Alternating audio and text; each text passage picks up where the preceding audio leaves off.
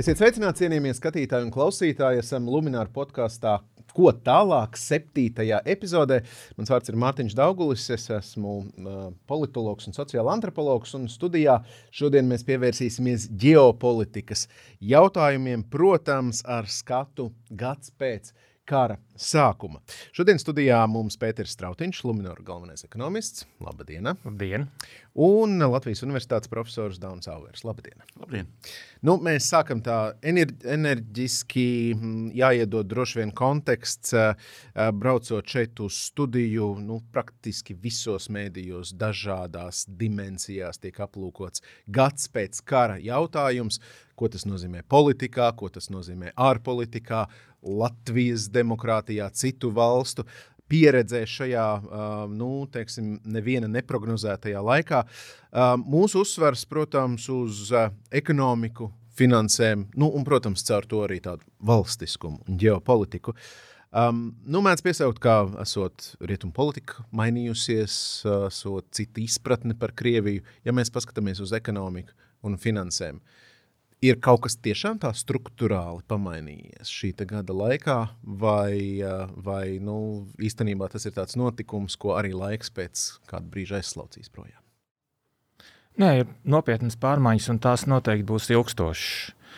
Šobrīd Eiropā ir pavisam citi gāzes piegādātāji, arī mazāks patēriņš, protams, saistībā ar taupības pasākumiem, bet uh, Krievijas gāzes Eiropas tirgu ir atlicis ļoti maz. Un, uh, izskatās, ka viņai uh, vēlāk būs ļoti grūti šo tirgu atgūt. Nu, ja vien nenotiks tiešām kaut kādas ļoti dziļas uh, pārmaiņas uh, valstī un sabiedrībā, tur, kurā Eiropa noticēs. Tāpat ir, ir arī nu, mazākā mērā, bet citi enerģētikas tirgi mainījušies. Naftas tirgus tagad dažas valsts, kurām principi pārāk netraucē, var tikt pie lētākas naftas. Tas, protams, nozīmē zemākus ienākumus Krievijai. Uh, Un, un, un jā, arī, arī šī nozara droši vien nepaliks bez sekām. Kaut arī tāpēc, ka viņiem tagad īsti nav iespējams veikt investīcijas. Tāpat vēl runājot par ekonomiku, arī tirdzniecība citās jomās ar, ar, ar metāliem ir ietekmēta. Ir pasaule daudz iemācījusies, ko var panākt un nevar panākt ar ekonomiskām sankcijām. Atbilde, man liekas, ir līdzīga kā iepriekš. Daudz, bet ne visu. Uh, Un, uh, tur, tur kaut kāda secinājuma tiks, tiks uh, izdarīti. Iespējams, ka dolārs starptautiskā loma var tikt ietekmēta, jo, nu, ja dolārs tiek iet, ietek, izmantots kā uh, sankciju instruments, tad jā, nu, ir kaut kāds rezultāts, bet, bet ilglaicīgi nu, varētu būt, nu, varbūt neizšķiroši, bet nu, tomēr uh, jūtama, jūtama ietekme uh, lielāka vēlme izmantot citas valūtas uh, kā rezervu valūtu, varbūt juaņu. Tā kā sekas būs ļoti daudzas un dažādas arī, arī šeit, Baltijas valstīs. Tūlītējā ietekme mums ir uh, cenu kāpums liels, kurš gan nu, jau tagad varētu vismaz daļai, viņš noteikti pavērsīsies pretējā virzienā. Un, uh, kas vēl uh, noteikti ir uh, ārvalstu investīcijas, ir ietekmētas negatīvi. Cerams, ka tā ietekme nebūs liela. Tie ir racionāli domājot, var, var ticami racionāli argumentēt, ka Latvija kļūs drošāka gadu laikā. Bet uh, nu, uh, par, par to ir ļoti grūti pārliecināt cilvēku, kurš dzīvo ziņu virsrakstu pasaulē. Turisms Latvijā ietekmēts ir, ir jā, ļoti daudz dažādas ietekmes bijušas. Jā, to var tikai tād, uzskaitīt. Tādas, kas ir palikušas uz, palikušas uz palikšanu, atvainojos par tādu vārdu spēli. Nu, iespējams, iespējams, jā. Uh, nu, tiešām, ja nenotiek Krievijā kaut kādas ļoti dziļas uh, pārmaiņas, uh, ceļš, uz kurām nav šobrīd tā teikt acīm redzams, nav redzams, kā pie tā varētu nonākt. Nu, tad, jā, tad vismaz, vismaz uz, uz, uz Krieviju tā ietekme būs ļoti ilgstoša. Profesor, kā izskatās ar skatu uz Krieviju, bet tajā laikā arī ar skatu pašiem uz sevi? Kas ir tas, kas ir nu, jā, licis mums pamosties jaunā rītā un ka tur nekāda atpakaļceļa vairs nav? Nu, redzamākā pārmaiņa varbūt pēdējā gada laikā ir militarizācija Eiropā. Uh, Um, Latvijā, Baltijas valstīs tas mums jau sākās uh, 14. gadā, uh, kad Krievija okupēja Krimu. Un tad uzreiz sākam kāpināt uh, investīcijas uh, aizsardzības uh, nozarē un vairāk domājam par mūsu uh, bruņotiem spēkiem un kaujaspēju un tā tālāk. Um, bet tagad faktiski tas skar visu Eiropu. ka dažas dienas pēc uh, Krievijas uzbrukuma Ukrainai uh, Vācija strauji pieņēma lēmumu kāpināt uh, izdevumus aizsardzībā līdz 2% no IKP. Tātad lēmums Vācijā, kas nu, faktiski kopš otrā pasaules kara Vācija ir darījusi visu, ko, visu, ko var, lai izvairīties no šiem aizsardzības jautājumiem. Ir bijis tāds sajūta, ka Vācija vienkārši tā tīri simboliski ir izveidojusi nu, kaut kādus bruņotos spēkus, ir investējusi kaut, kādās, kaut kādā ekipējumā, ieročos, tankos un tā tālāk, bet īsti negrasās tos izmantot, ka tur vienmēr meklēs kaut kādu citu ceļu, lai risinātu kādu problēmu. Bet uzreiz, dažu dienu laikā, nu, tiesa jaunais Vācijas kanclers pieņem šo radikālo lēmumu. Un tad protams, ir Somija. Zviedrija, šīs neitrālās ziemeļvalstis, kas arī daždienu laikā pieņēma lēmumu, ka mēs sāksim ceļu uz NATO. Nu, sāksim ar diskusijām sabiedrībā, politiskā līmenī, tad pieņemsim lēmumu un, un tad virzīsimies tālāk. Un, un arī Latvijā, protams, mēs esam, nu, ir tagad plāns audzināt um, aizsardzības budžetu līdz 2,5% no IKP, kas, protams, ietekmēs budžetu, jo, kā zināms, nauda neaug kokos, tad būs kaut kur jāatrod, jāatrod naudiņa, Kaut kur būs jātaupa, kaut kur būs jāmazina investīcijas, uh, lai atrastu šo naudu un arī to, to, to prātīgi um, uh, investēt. Un arī, protams, um, ka tagad iet runa par obligāto dienestu, kas arī atstās dzīves sekas uz sabiedrību. Vai tās ir pozitīvas vai negatīvas, tas faktiski viss ir atkarīgs no tā, kā tiks īstenota šī politika. Bet um, es domāju, ka šie, šī militarizācija, un tas arī, kad gan mēs, sabiedrība, Latvijas sabiedrība, bet arī sabiedrības faktiski visur Eiropā tagad zina, kas ir Himārs. Nu, kas, kas, kas zināja, kas tas ir pirms gada? Vai uh, iet runa par Leopoldu tankiem? Un it kā cilvēki, kā, uh, sēžot bāriņā, kaut kā pusinformēti runā par šīm lietām. Nu, karš ir atstājis sekas ne tikai tautsājumniecībā, kā Pēters aprakstīja, bet arī politikā, arī budžetā un arī sabiedrībā. Un tās sekas būs ilgstošas, jo nebūs tā, ka mēs uzreiz nogriezīsim tās investīcijas, um, mē, mēs uzreiz, teiksim, nemainīsim. Ja mēs ejam to ceļu uz obligāto dienestu, lai reversētu šo lēmumu, tas jau prasīs arī daudz gadus. Nu, visticamāk, ja, pieņems, ja tiks pieņemts šis lēmums, tad būs vismaz viena paudze jaunieši, kas izies šo obligāto dienestu. Tātad sekas ir lielas. Sekas lielas un, protams, arī aktuālajā politikas dienas kārtībā. Jautājums par tautsēmniecības sasaist ar šo militarizāciju. Vismaz politiķi, visi no, no pašiem pirmsākumiem, kas arī aizstāvēja IKP palielināšanu aizsardzībai, teica, ka tas sildīs arī uh, neapšaubāmi ekonomiku caur, caur militārās industrijas attīstību. Kā šobrīd izskatās no banku perspektīvas, tāds skats uz militārās industrijas attīstību un Latvijā kaut kādi jau nezinu, nolasāmi jau rezultāti tādai lietai, vai ir interese un citādi? Nē, nu skaidrs, ka Latvija, atšķirībā no Zviedrijas, neražos tur plašu ieroču šķirku komplektu, kara lidmašīnas, tanki, eh, lielgabali un, un tā tālāk. Eh, atsevišķi militārajā jomā pielietojami produkti mums jau bija. Elektronika, sakarlīdzekļi. Latvija ir labi specializējusies speciālā apģērba ražošanā. Tās prasmes arī droši vien var noderēt, nu, kas tagad parādās jau uh, bruņu mašīnu montāžu Latvijā ar atsevišķu detaļu ražošanu Latvijā.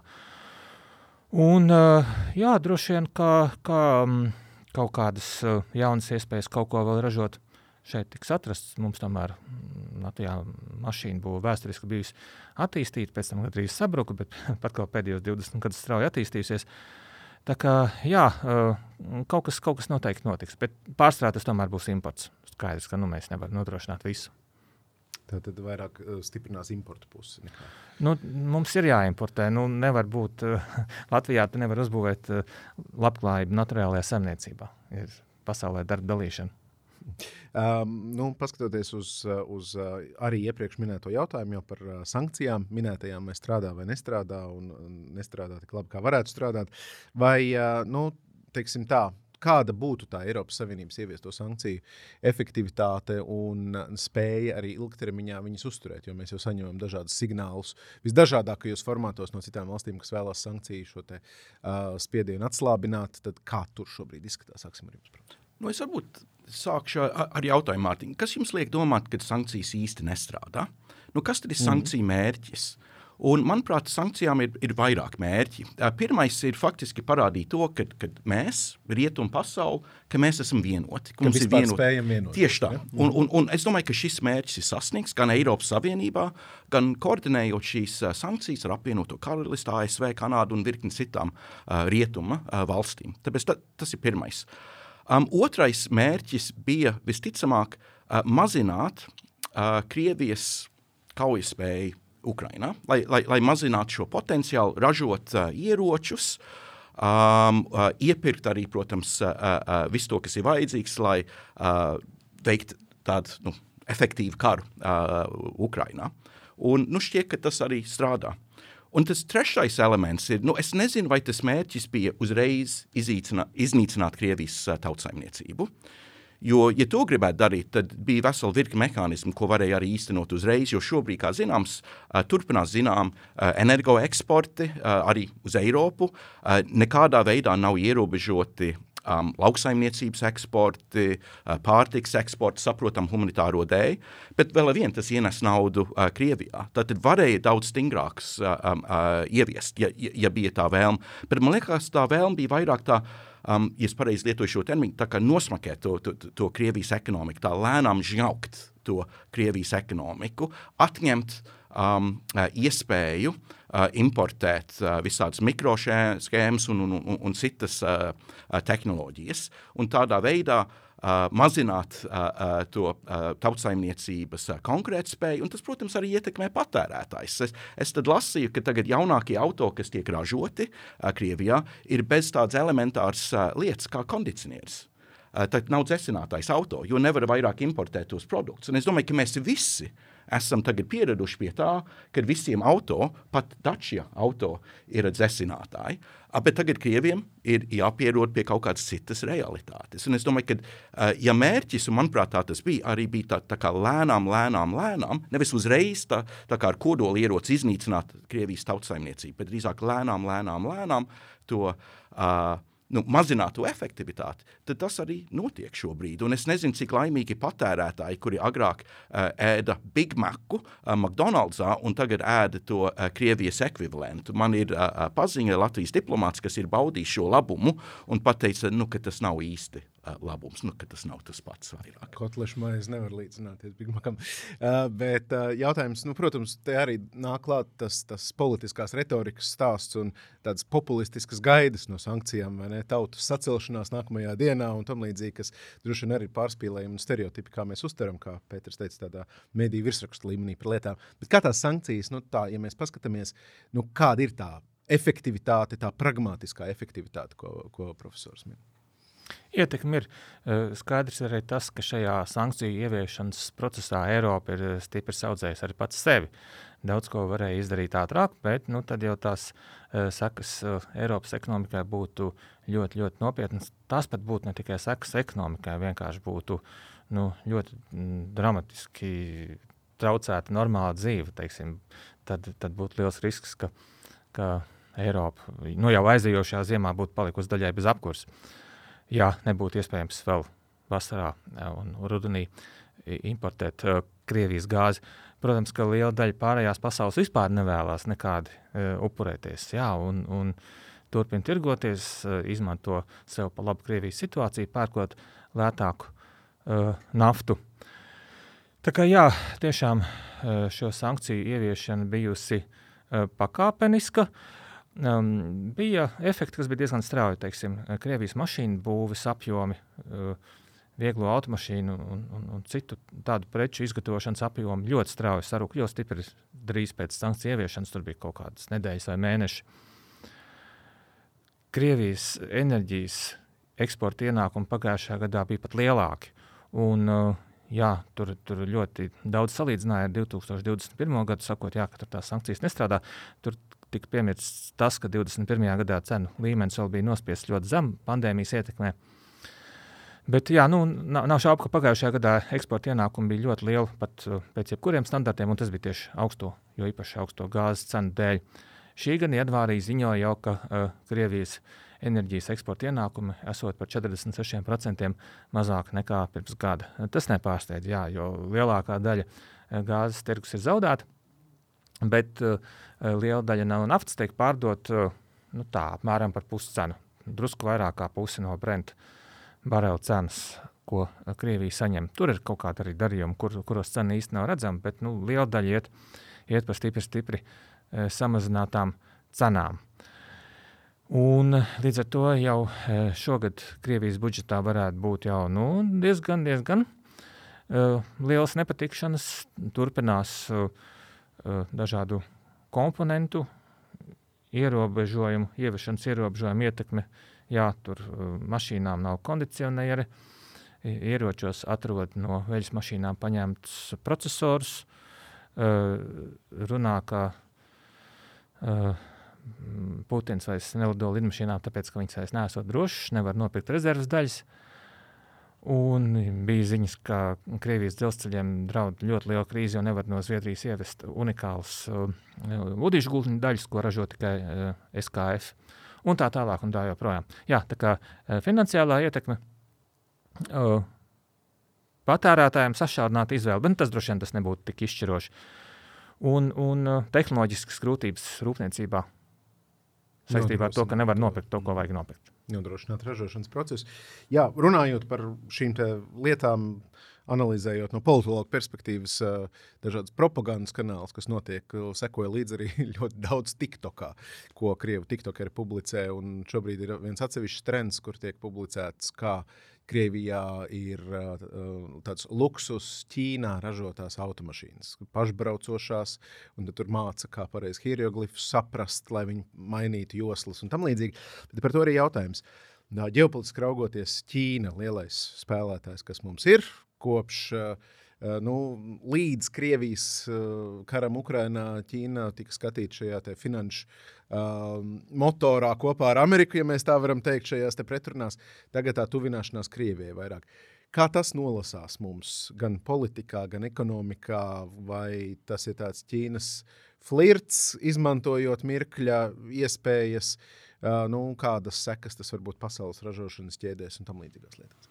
Nu, stratēģiskā līmenī Krievija jau labu laiku draudzējās ar uh, Krieviju. Stratēģiski, politiskā līmenī viņiem ir līdzīgs mērķis, kas ir, nu, ja ne, ne, ne gluži sagraut rietumu valstis, bet uh, mazināt rietumu valstu ietekmi, mainīt šo globālo sistēmu, kas balstās likumos un kārtībās, ko faktiski rietumu valsts izstrādāja pēc kara uh, uh, paudzes. Tātad um, Ķīnas attiecības ar Krieviju tas jau ir tādas nu, vēsturiskas un, un, un, un, manuprāt, ļoti ciešas. Bet um, tas, ka Krievija, drīzāk Ķīna, drīzāk uh, neatbalsta uh, Krievijas karu. Nu, tas, man liekas, ir, ir, ir, ir tāds nu, neliels pārsteigums. Nu, ka Ķīna ir pateikusi, ka mēs esam par mieru. Uh, um, ka, mēs esam, uh, uh, nu, ka mēs esam pret karu, kad, uh, uh, protams, mēs uh, nenosodīsim Krieviju, bet tajā pašā laikā mēs nedosim Krievijai ieročus, mēs nepalīdzēsim. Nu, tas, man liekas, liecina par to, ka šis karš ir nācis tādā ļoti nērtā brīdī Ķīnai. Ķīna divus gadus bija mājasēde. Faktiski varētu teikt, gandrīz tādā nepārtrauktā mājasēde.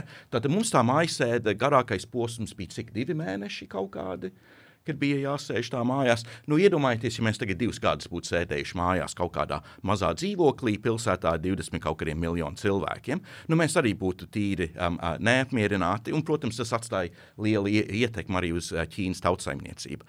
Nu, tagad ir tas brīdis, kad Ķīna varētu kā, nu, atgriezties pasaules tirgus, atgūt varbūt to zaudēto um, IKP potenciālu, un nu, lūk, parādās karš parādās visādi sarežģījumi. Nu, labi, Ķīnai kaut kāds labums, viņiem būs lētāks, lētāki energoresursi visticamāk nākamos gados. Jo, nu, ja Eiropas tirgus ir nogriezts, Ķīna ir tā otrā iespēja. Tur būs jāuzbūvē infrastruktūra, bet nu, Ķīna visticamāk nākamos gadus desmit baudīs nu, kaut cik lēts un prognozējams energoresurss no Krievijas, kas citādi nebūtu pieejams. Bet tai pašā laikā Ķīna jau negrib riskēt, zaudēt Eiropas Savienības tirgu un uh, ASV tirgu. Un tāpēc viņiem ir jābūt tādiem ļoti, ļoti uzmanīgiem. Um, tāpēc ir maz ticams, domāju, tas, ka nu, Ķīna varētu mainīt savu stratēģiju. Šobrīd ir runa par to, ka varbūt Ķīna sāks piegādāt ieročus. Nu, ja, viņi, ja Ķīna to darīs, tad uh, noteikti būs arī liels sankcijas uz uh, Ķīnu, būs vēl uh, uh, lielāka ekonomiska stagnācija, lejupslīde un sabiedrība, kas jau tagad dumpojās. Nu, pēdējā gada laikā, faktiski kopš Tiananmenas nav bijis tāda dumpošanās, nu atkal varētu svārstīties pišķītā politika. Un diez vai tas žījam ir vajadzīgs. Bet pēdējā lieta ir tas, ka žī ir visietekmīgākais um, uh, prezidents vai līderis Ķīnā kopš 70. gadiem, kopš Mao faktiski. Ja mēs viņu salīdzinām ar padomu vēsturi, viņš ir Stājins, nevis Brežnevs. Un tas nozīmē, ka jo, jo tā līderība tagad ir tāda izteikti vienpersoniska, un viņš dominē, absolūti dominē visas struktūras Ķīnas komunistu partijā un, un valsts pārvaldē, iespējams, ka viņš arī pieņems kādu stulbu lēmumu, un nebūs kāds, kas viņam pretosies, nu, līdzīgi kā Krievijā ar uh, uzbrukumu Ukrainai. Tāpēc mēs nevaram pilnīgi izslēgt to iespēju, ka varbūt būs kaut kāds liels pavērsiens, bet no racionālā viedokļa tas, tas šķiet maz ticams. Jo arī Ķīnas ārpolitikā nav bijis raksturīgi tie gājieni, ka mēs uzbrukam kādam ārpusē, lai novērstu uzmanību no problēmām iekšpusē. Viņi tiešām vairāk ir bijuši introverti, tā skatoties. Bet, ko tas nozīmē, piemēram, no pasaules ekonomikai kopumā, kur Ķīna vienmēr ir bijusi nu, ļoti integrāla sastāvdaļa, ja mēs raugamies? Nu, jā, viņi ir kļuvusi par, par integrālu sastāvdaļu būtībā šajā gadsimtā, vēl 2000. gadā. Tomēr Ķīnas ekonomika bija, bija nu, stipri, stipri neliela. Tad cits bija brīdis, kad, kad Vācija uh, bija uh, pasaules lielākais eksportētājs, uh, kādu brīdi lielāka nekā Ķīna vēl, vēl manuprāt, šī gadsimta sākumā. Bet uh, uh, pasaules ekonomikai uh, viss, kas ir saistīts, kas ir notiekušies, kas ir saistīts ar Ķīnu šobrīd, mm, es pat neteiktu, ka tur mm, karš Ukrainā attiecības ar Krieviju uh, būtu kaut kādā ziņā noteicošais. E, Krievija Ķīnai ir diezgan svarīgs tirdzniecības partners, bet nu, absolūti nelielākais, ļoti, ļoti tālu no tā. Ķīna jau uh, pirms šī kara, varētu teikt, diezgan brutāli izmantoja Krieviju. Uh, jā, piekrītot, tur veidot kopīgu gāzes vadu sistēmu, bet tad pasakot, ka mēs pirksim par ļoti zemām cenām. Nu, tā kā Krievijai knapi, knapi vispār ir izdevīgi uh, to visu pārdot. Un skaidrs, ka nu, turpmāk tur tā izmantošana būs noteikti vēl, vēl skaudrāka. Tā jau notiek, jā, piemēram, pērkot uh, naftu par zemām cenām. Jā, pavisam noteikti Ķīnai ir uh, svarīgākās attiecības ir, uh, ir ASV, Eiropas Savienība, kā eksporta tirgi, nu, mazākā mērā arī Japāna, uh, dažādas apkārt esošās valstis, kā, kā izēvielu komponentu uh, piegādātājs. Uh, Es nedomāju, ka, ka nu, visdrīzāk jā, šie notikumi, karš, ka tas kaut kā, nu, labi, ja, jā, ja Ķīna sāktu atbalstīt, ļoti klāji atbalstīt Krieviju militāri, tas būtu citādāk, bet citādāk. Ja, ja turpināsies līdzinājā notikuma gaita, es nedomāju, ka tas, tas, tas būs tik svarīgi. Jā, šis karš ļoti dažādos veidos izmainīs pasauli, bet, bet es domāju, ne tik daudz uh, tirniecībā Ķīna. Tas kas, ir, tas, kas ir svarīgāk, ir tas, ka jā, jau, jau pirms šī kara, jau labu laiku iepriekš, un tas tā ļoti spilgti bija redzams Trumpa laikā, bet patiesībā jau, tur, jau pazīmes parādījās pirms tam. Kā Amerika bija devusi Ķīnai iespēju ļoti strauji attīstīties, atverot uh, savu tirgu, uh, ļaujot iepirkt tehnoloģijas, bet uh, pamazām, pamazām uh, pieaug bažas, nu, ka Ķīna var kļūt pārāk ietekmīga un, un var sākt izmantot uh, savu varu. Un tur ir, protams, līdzinājā pasaules hegemona, nu, teiksim, tā varbūt greizsirdība, arī, zinām, nu, tā kā uh, pašlatums, vēlme kontrolēt pasauli, bet arī uh, teiksim, tā ļoti pamatotas leģitīmas bažas par to, uh, kā Ķīnas ietekme var uh, samazināt uh, brīvību pasaulē. Un, un, un tur tie riski bijuši ļoti labi redzami, jā, kā Ķīna ir izmantojusi savu uh, tirdzniecības partneru ietekmi, aizdevumus, lai, lai nu, ne tā ļoti, ļoti, ļoti varbūt agresīvā veidā, bet tomēr ietekmētu politisko vidi citās valstīs. Kas ir ļoti interesanti, arī pārējot pie nākamā jautājuma par to Eiropas vienotību kā tādu ka mm, tās slavenās Ķīnas iniciatīvas, kas bija vienas, vienas joslas, viena ceļa politika, un šeit eh, arī tā 17 plus 1 iniciatīva, ka beigās sanāca tā, ka viņi patiešām gandrīz vai bilaterāli darbojās ar katru no šīm valstīm, un tur, kur ir Orbāns klāt, tur viņiem ļoti labi gāja tajā sadarbībā. Cīm redzot, tā, tā politiskā vide tur arī spēlē sadarbības nozīmi. Bet par to arī jautājums atstājot Ķīnu tur, kur Ķīna ir, atgriežoties mūsu, mūsu reģionā atpakaļ. Nu, par Eiropas tādu uh, vienotību mājas darbu ziņā. Ja, teiksim, katrai valstī nu, ir, ir kaut kādas apņemšanās bijušas šajā laikā. Latvijai savas apņemšanās, lai kļūtu neatkarīgākiem no energoresursiem un tam līdzīgi. Nu, kā mēs izskatāmies nu, tās, uz, cik, cik daudz Eiropas valstis ir sakārtojušas kaut kādas savas maisaimniecības un obligātos uzdevumus šajā laikā, vai Dienvidu joprojām ir, nu, mēdz par viņiem ironizēt arī iepriekšējo krīžu laikā, kas mums ir bijuši, ka Dienvidiem tur savu filozofiju. Edgars Ninkevičs, starp citu, minēja, jo tālāk no mūsu robežām uz dienvidu pusi, jo vājāk izpratne arī par karu, kas notiek. Tad kā izskatās tā Eiropas vienotība ar to, kas būtu jādara un kas tiek darīts? Kurš ir gatavs sākt, profesors? Nu, jā, ārlietu ministram ir pilnīgi pareizi. Jo, jo tālāk tu esi geogrāfiski no notikumiem uh, Ukrajinā, jo mazāk tas arī tevi ietekmē. Gan energo jautājumos, gan arī, protams, tirdzniecības apmēri ir, ir, ir, ir nelielāki bijuši ar Krieviju, ar Ukrajinu un tā tālāk. Un tā tad ir mazāk interese par to visu. Bet faktiski pēdējā gada laikā, manuprāt, Eiropas Savienība ir izrādījusi tādu lielu vienotību. Ir spējuši pieņemt, nu, cik ir to sankciju paketu, laikam deviņi uh, tagad uh, kopumā pret Krieviju, nu, kas ir daudz. Un, kā, Nestoties uz to, ka ir sarežģīti jautājumi, kas arī ir ietekmējuši dažu valstu intereses, faktiski katru reizi šie lēmumi ir arī uh, pieņemti. Um, un, protams, arī, kad uh, ir tā vienošanās, kad uh, iepērk uh, ieročus, uh, nogādātos Ukrainai, tur prāvas naudas summas, miljardi ir iztērēti, atbalstot Ukraiņas ekonomiku, tautsaimniecību, humanitāros uh, mērķus, arī uh, īstenojot š, šī reģionā. Un, protams, arī tas uh, straujais lēmums pieņemt um, Ukrainu un Moldovu kā kandidātu valsts. Nu, tas jau pirms pusotra gada likās neiespējami. Man, man uh, ik gadu ir. Um, studentu grupa no Ukraiņas augstskolām, kur, kur mums ir viena neliela lekcija kurs par Eiropas Savienību. Un tad man vienmēr izskanēja šis jautājums, nu, kad mēs varētu iestāties Eiropas Savienībā. Un tā realitāte, ka pirms šī um, kara nu, Ukraiņas nu, kaut kad tālu nākotnē kaut kad tālu nākotnē, tad, kad arī Mārtiņam būs sirmi mati, visticamāk, kas ir ļoti tālu nākotnē, protams. Um, Bet tas viss notika atkal dažu nedēļu laikā, kad bija tāds konsens, ka jā, mēs tā darīsim. Un, un, un, un tā. Tāpēc nākamais solis Eiropas Savienībai faktiski ir, sarežģītākais, jo nu, mēs esam par to gandrīz aizmirsuši. Bet pirms karš sākās, um, bija šī konference par Eiropas nākotni, kur bija, bija arī dokuments ar secinājumiem, ar to, ko darīt.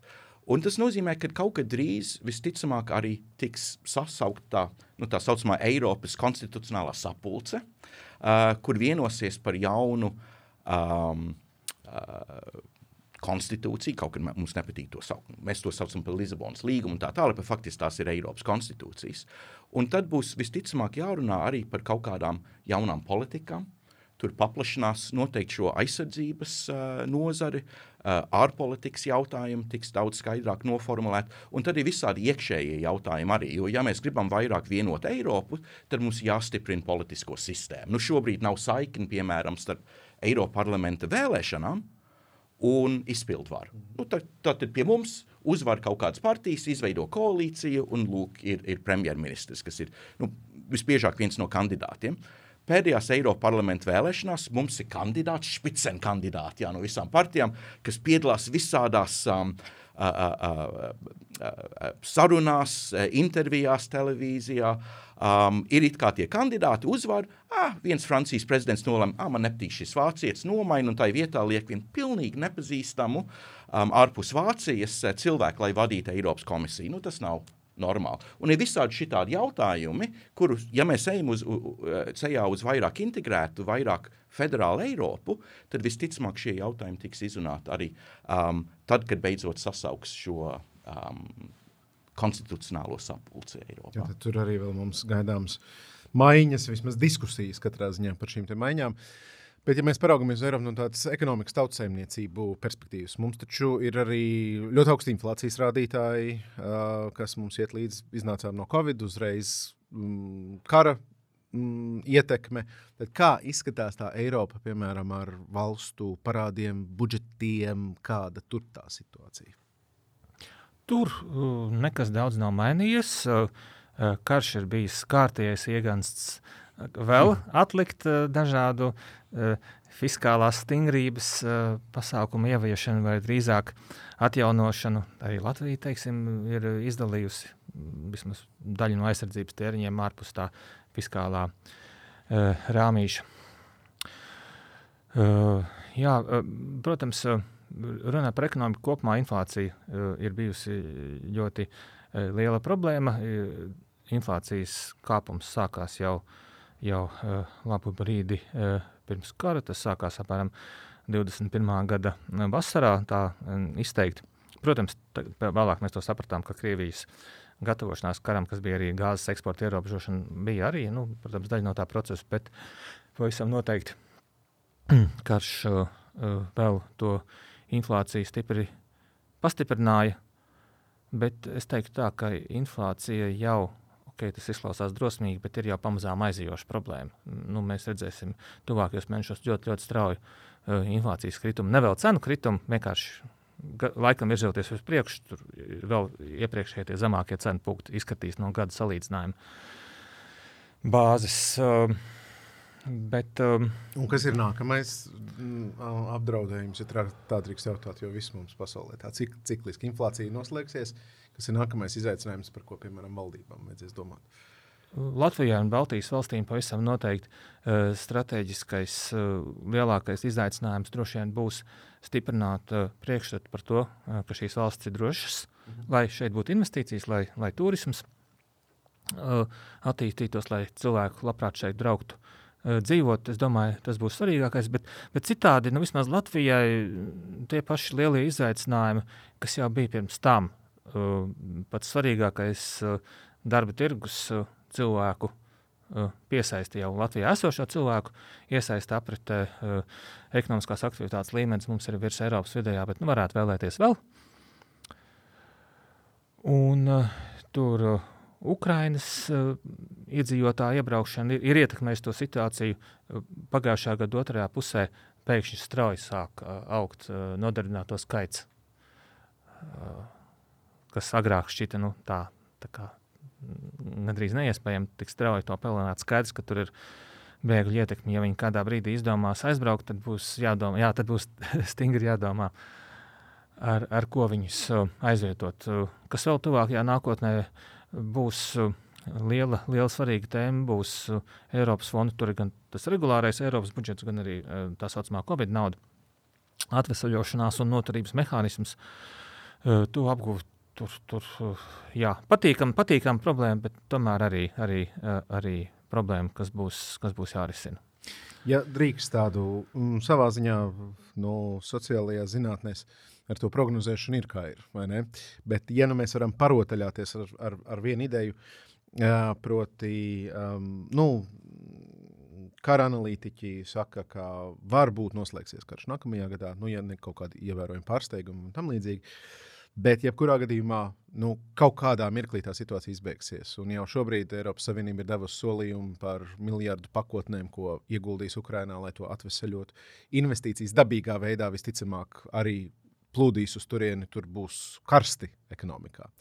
Kā tas ietekmēs, teiksim, Ukrainas atkal uzplaukšana, kā, ko tas liek, nu, rēķinoties ar to, ka tāda būs. Es saprotu, ka ļoti tālu un vēl spekulatīvi, bet tomēr par ko vajadzētu domāt jau Latvijai šādā situācijā. Nu, man rosināja šo jautājumu Pētera precīzā šī frāze, ka Ukraiņu bēgļi mums ir darba tirgu, bet tādā situācijā viņi visticamāk dosies mājās, vai ne? Un mums paliks tukšs robiņš.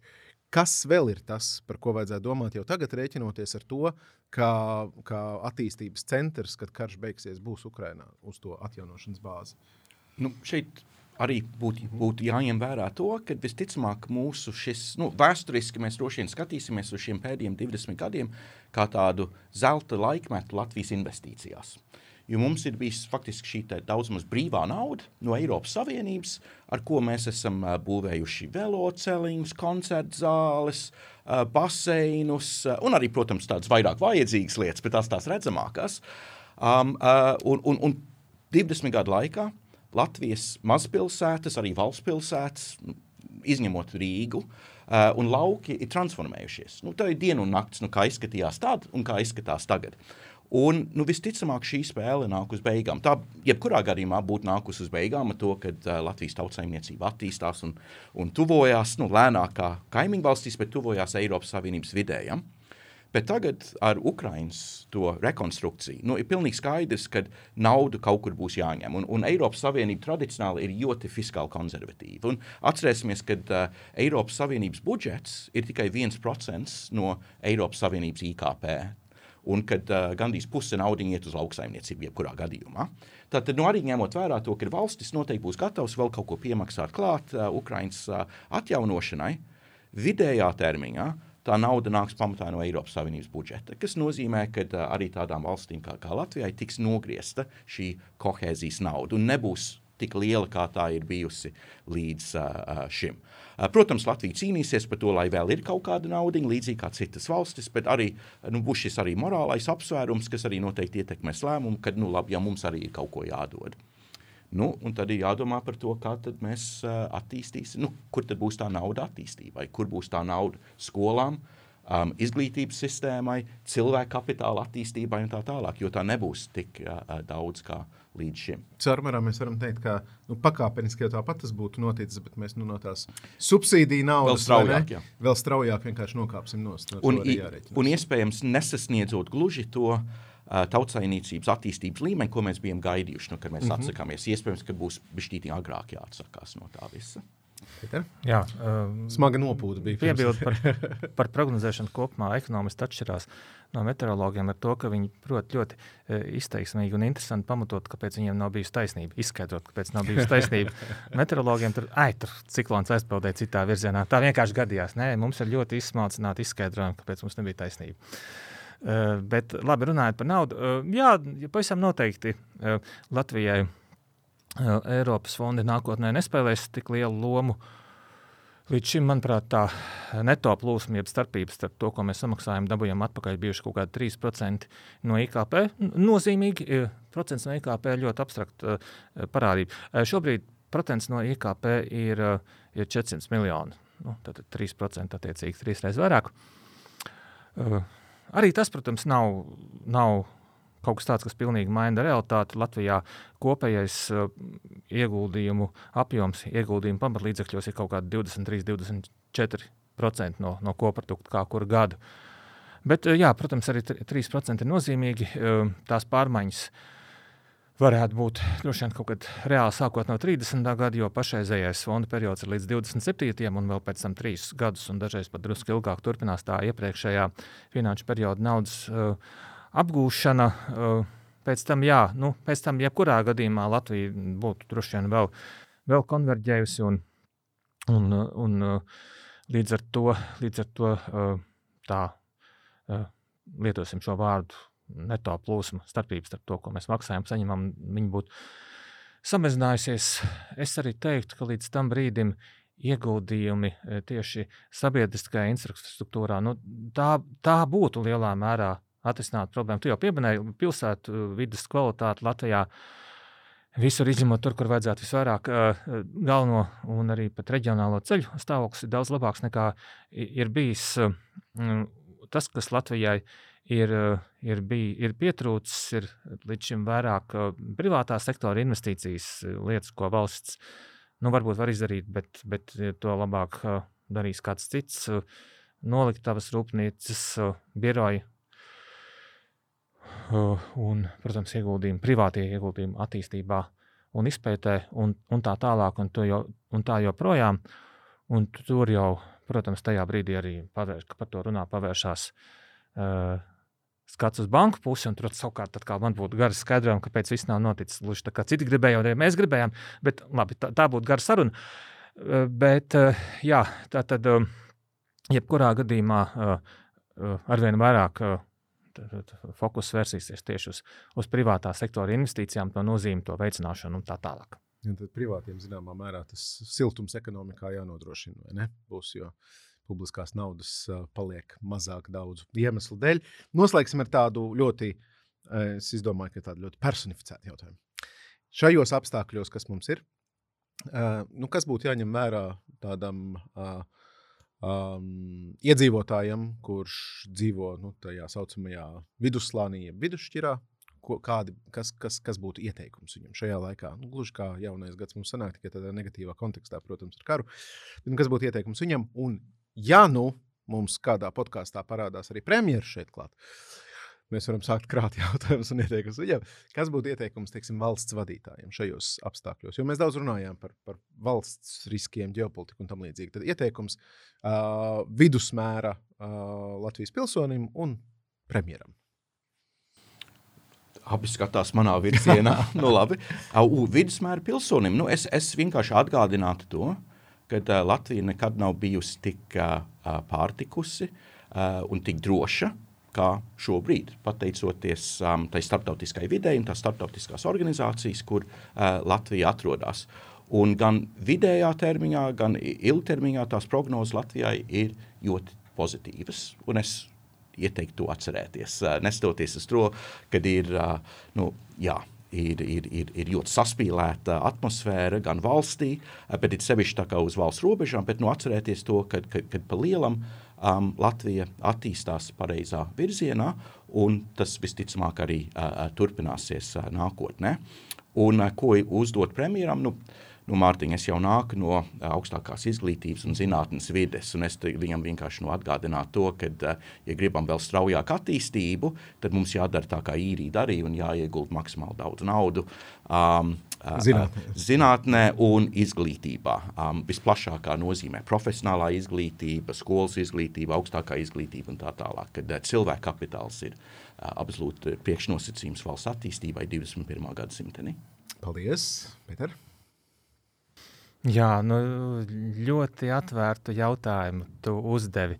Bet, eh, jā, ja mēs runājam eh, tātad, eh, to tādā aspektā, kā vidusmēr cilvēks un, un politika, tad ko prasīt no politiķiem?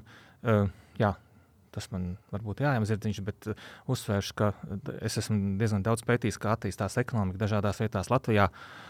Un dažkārt kopīgs ir tikai tas, ka ir, tas ir tajā pašā valstī, nu, labi, no, nodokļu līmenis tas pats, bet viss pārējais notiek, notiek pilnīgi citādi. Ir, ir absolūti dramatiski uh, atšķirīgi uh, rezultāti. Ko var panākt? Ko nosaka? Ļoti lielā mērā nosaka uh, vietējā uh, pārvaldes kvalitāte. Jo uh, ražošana vai pakalpojumu sniegšana nenotiek vienlaicīgi kaut kādā aritmētiski vidējā Latvijā. Uh, tā notiek uh, konkrētās pilsētās, novados. Uh, Eh, šīm pilsētām parasti ir eh, maksimums 50 km zona, eh, kas ir šo pilsētu gravitācijas laukā. Par to, kas premjeram jādara, es domāju, ka vakar bija Viļņā tas brauciens no viņas Rīgas virzienā, pirmie 15 km ir, vienkārši graujoši. Tur apkārt visu laiku krāsains noliktavas, rūpnīcas, biroji. Tas lielā mērā tika, tika nodrošināts um, lietojot pieeja, ko uh, uh, Silīcija ielējā uh, sauc uh, kā uh, fake till you make it. Tātad uh, izliecies līdz tu uh, līdz sanāk. līdz sanāk jā, uh, uh, Lietuvas augstākās politiskās vadības iniciatīva investīcija piesaistē savas valsts reklamēšanā. Un, nu, protams, tu, tu nevari reklamēt to, kam nav satura, bet Latvijā tomēr tas saturs ir. Nu, protams, ka mēs neesam tur varbūt pēc visiem parametriem Vācija, bet nu, jebkurā gadījumā jebkāda, jebkāda attīstība var būt tikai pakāpeniski virzoties no viena, lecot no viena e, ciņa uz nākamo un cerams neiekrītot kaut kur pa vidu. Nu tā. Skaidri uztverts. Es domāju, mēs šo stāstu arī turpināsim mūsu nākamajos podkāstos. Šis ir noslēdzies. Lielas paldies jums par sarunu. Sakam paldies eh, Latvijas Universitātes profesoram Daunim Aueram. Paldies liels un, protams, arī Pēterim Strautiņam, Luminoru galvenajam ekonomistam. Un sakam paldies arī jums, cienījamie skatītāji un klausītāji. Pavisam noteikti, ja gribat redzēt citas mūsu epizodes, un tādu ir daudz un ārkārtīgi arī dziļas tēmas, ko esam risinājuši, aicinu piesakoties, nu, tur gan atzīmējot, ka zvaniņš nodzina, zina, gan arī vienkārši sekot, piespiest arī laiku var uh, YouTube kanālam, kurā jūs mūs skatāties. Kā arī, ja jūs atrodat kaut kur citur, uh, sociālajā tīmeklī, sekojiet, uh, tas ilgtermiņā atmaksāsies. Protams, tas ir Lunčija podkāstu viens no uzdevumiem, sniegt zināšanas, lai tās atmaksātos. Paldies liels un tiekamies jau nākamajās epizodēs.